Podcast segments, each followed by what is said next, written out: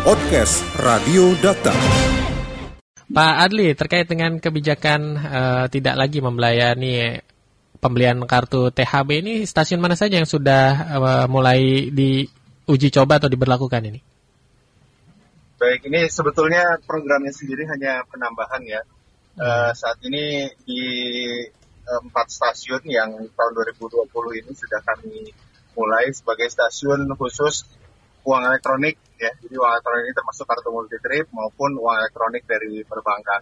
Uh-huh. Uh, di stasiun-stasiun tersebut adalah di stasiun Bogor, Cilebut, kemudian Cikarang dan Rangkas Bitung. Nah ini uh, selama dua bulan terakhir ini sudah berlaku uh, sebagai stasiun khusus uang elektronik uh, untuk hari-hari kerja. Jadi pada hari-hari kerja uh-huh. sudah berlaku sebetulnya. Ini nanti mulai 5 Desember hanya penambahan bahwa nanti akan berlaku juga pada saat hari-hari uh, libur dan akhir pekan ya weekend. Hmm, baik. Jadi ini sebenarnya sudah diuji coba seperti itu, Pak ya? Uh, sebetulnya juga bukan uji coba ya, memang berlaku sudah berlaku. Oh, sudah berlaku secara definitif seperti itu ya? Ya, namun uh, kita tambah lagi jumlah harinya dari yang sebelumnya hanya hari kerja menjadi hari kerja dan uh, weekend nanti mulai 5 Desember. Hmm. Pertimbangannya apa, Pak? Ditunjuk empat stasiun tersebut? Jadi sebetulnya kalau pertimbangan sama ya, eh, empat stasiun ini kan yang kami perkenalkan pada tahun ini ya, kebetulan di masa pandemi ini.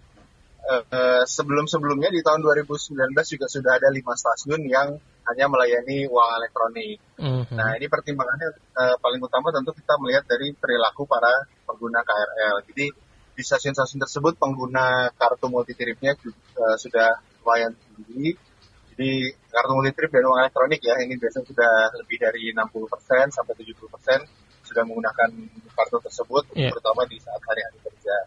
Kemudian pertimbangan kedua, eh, dengan tidak adanya ini ya, eh, yang menggunakan tiket harian berjaminan, jadi tidak ada layanan transaksi untuk pembelian, eh, kemudian eh, isi ulang maupun refund.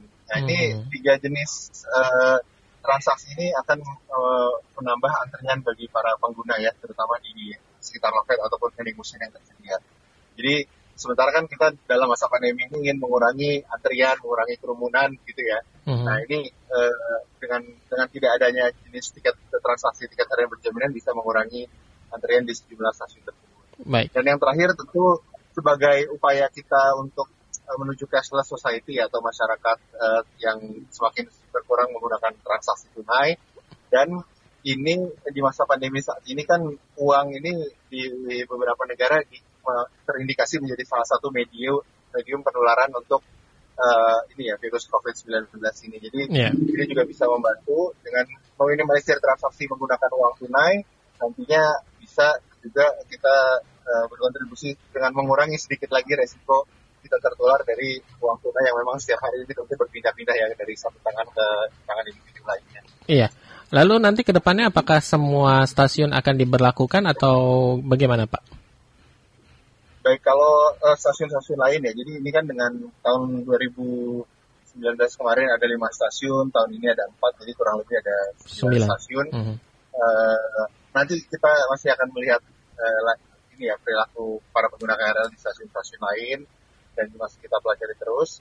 Uh, sampai saat ini memang trennya semakin meningkat untuk penggunaan kartu multi trip dan juga kartu uang elektronik dari bank ini. Hmm. Karena uang elektronik ini kan uh, semakin banyak fungsinya ya, semakin Betul. bisa diterima misalnya saat untuk bayar tol, parkir. kemudian bayar parkir, hmm. kemudian juga berbelanja di minimarket atau beberapa keperluan lainnya. Hmm. Jadi uh, tampaknya di masyarakat juga semakin banyak yang menggunakan uang elektronik ini jadi eh, ke depan tentu masih akan kami pelajari lagi apakah akan ditambah stasiunnya atau masih atau masih seperti dulu.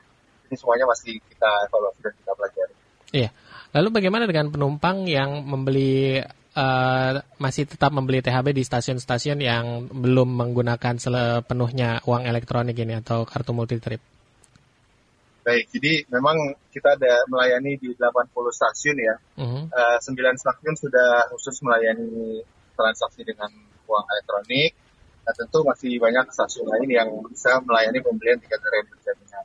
Bagi yang menggunakan tiket harian berjaminan, ini uh, penting untuk memperhatikan beberapa hal. Yang pertama, apakah akan kembali lagi ke stasiun asalnya ya eh, setelah satu perjalanan pergi kemudian akan perjalanan pulang kembali ke stasiun asalnya dari stasiun tempat dia tuju. Hmm. Jika memang akan kembali lagi, ini sebaiknya membeli yang eh, kami sebut sebagai tiket harian berjam, berjaminan PP atau pergi pulang. Okay. Jadi eh, kalau kalau seperti itu maka di stasiun tujuan nanti ketika mau perjalanan pulang ini tidak perlu untuk melakukan resales atau melakukan isi ulang maupun melakukan eh, pembelian baru sehingga tetap bisa karena di stasiun-stasiun ini sebetulnya untuk uh, tap out atau untuk uh, keluar ya keluar dari gate stasiun ini bisa tetap menggunakan tiket harian berjaminan. Hmm, okay. Yang tidak ada hanya layanan transaksinya. Jadi tiket harian berjaminannya pasti bisa dipakai kalau keluar ataupun kalau dia bentuknya tiket harian berjaminan yang pergi pulang yang PP itu bisa dipakai untuk masuk kembali satu kali lagi ke stasiun asalnya. Yeah. Jadi uh, tidak perlu khawatir. Tapi untuk uh, layanan tiga layanan tadi ya, pembelian baru, isi ulang dan juga uh, pencairan jaminan ini uh, di stasiun-stasiun yang khusus uang elektronik tentu tidak dapat dilayani. Iya, dan memang nampaknya jika masyarakat juga sudah uh, terbiasa menggunakan uang elektronik dan juga kartu multi trip mungkin ya, karena uh, lebih fleksibel bisa digunakan di mana saja.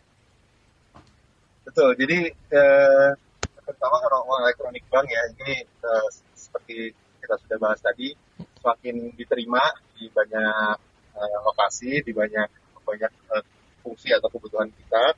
Sementara kartu elektronik dari KCI sendiri juga sejak November 2019 ini sudah mengantongi izin dari Bank Indonesia sebagai bentuk uang elektronik juga dalam hmm. bentuk uh, kartu gitu ya. Jadi uh, tidak menutup kemungkinan ke depannya kami juga akan mengembangkan uh, kartu multi trip sebagai uang elektronik yang bisa dipakai tidak hanya untuk transaksi uh, pembelian tiket di stasiun ya sebagai tiket pengguna KRL tapi bisa juga untuk uh, kebutuhan-kebutuhan lain nantinya. Dan uh, karena uh, memang sangat positif sekali dengan penggunaan uh, kartu uang elektronik ini, para pengguna juga bisa uh, mendukung program untuk mengintegrasikan berbagai moda transportasi. Jadi naik berbagai moda transportasi cukup punya satu kartu saja gitu ya. Ini juga tentu lebih nyaman, lebih fleksibel bagi para pelanggan. Dan yang paling utama dengan menggunakan uang elektronik ini baik itu KMT maupun dari bank tidak perlu setiap saat akan naik KRL harus ngantri kan untuk yeah. melakukan pembelian tiket atau melakukan isi ulang. Hmm, baik. Pak Adli, terima kasih atas waktunya berbincang dengan Radio Dakta dan juga kebijakan ini semoga akan semakin mempermudah masyarakat dalam penggunaan uh, komuter lain ya. Assalamualaikum ya, warahmatullahi wabarakatuh. Podcast Radio Data. Anda cukup masuk ke mesin pencari Google atau lainnya dan tinggal mengetik podcast Radio Data. Podcast Radio Data, aktual dan informatif.